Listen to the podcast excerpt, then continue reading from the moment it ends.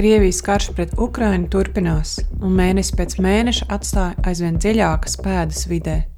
Kahovkas dāmbja sagraušana 2023. gada jūnijā vairoja dabai nodarīto kaitējumu, kā arī pievērsa starptautiska mēroga uzmanību kara ietekmei uz vidi. Šajā raidierakstā uzzināsi vairāk par augsto cenu, kādu šajā konfliktā maksā vide.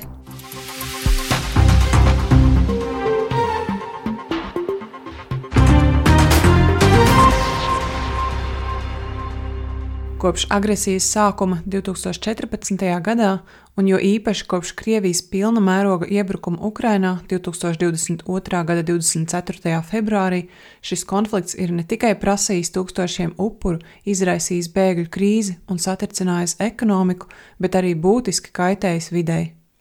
Krievijas karš ir atstājis dziļas rētas Ukrainas dabas ainavā.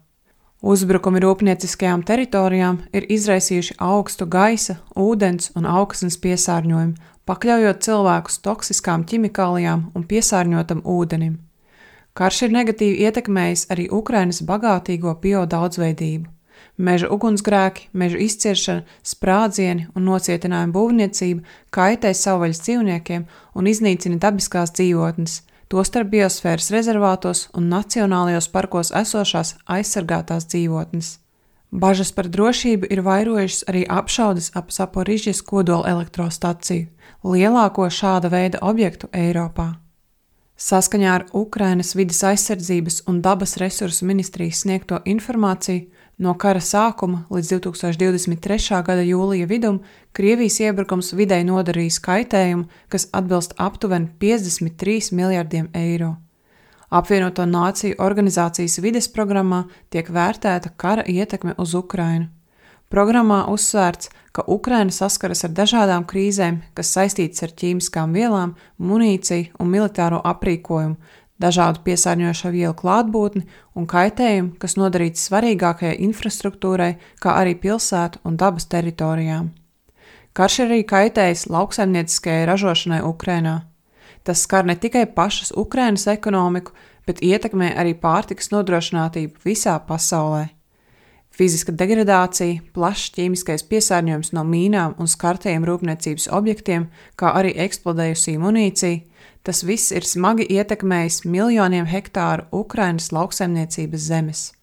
2023. gada 6. jūnijā Krievijas spēki iznīcināja Kahovkas dambi, kas bija lielākais Ukrainā.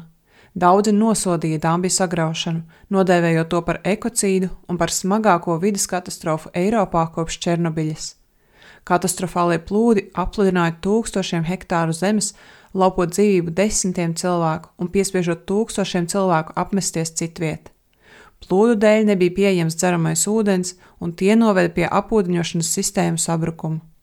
Dabā nonāca vairākas tonnas piesārņotāju.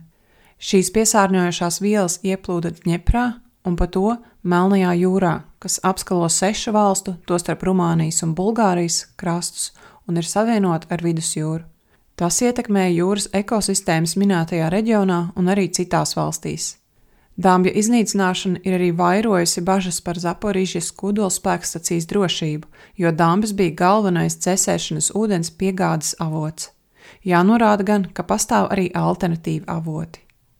Ukraina vēlas, lai Krievija atlīdzinātu par nodarītajiem zaudējumiem, tostarp arī par kaitējumu videi, Kopā ar starptautiskajiem partneriem Ukraina meklē veidus, kā nodrošināt, lai Krievija tiktu saukta pie atbildības. Ekocīds kopš 2001. gada ir iekļauts Ukrainas krimināla kodeksā kā noziedzīgs nodarījums.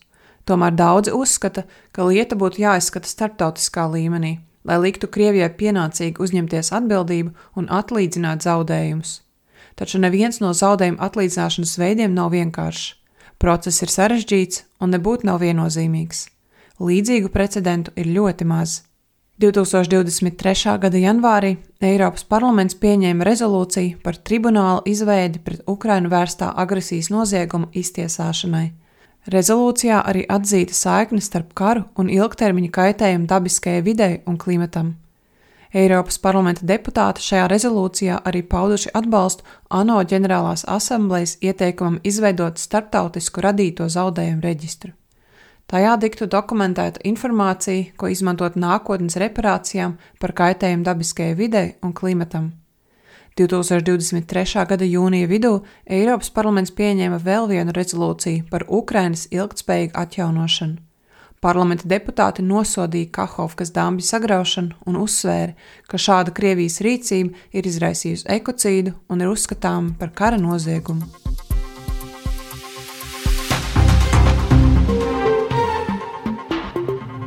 Šo raidījumu sagatavoja Eiropas parlaments.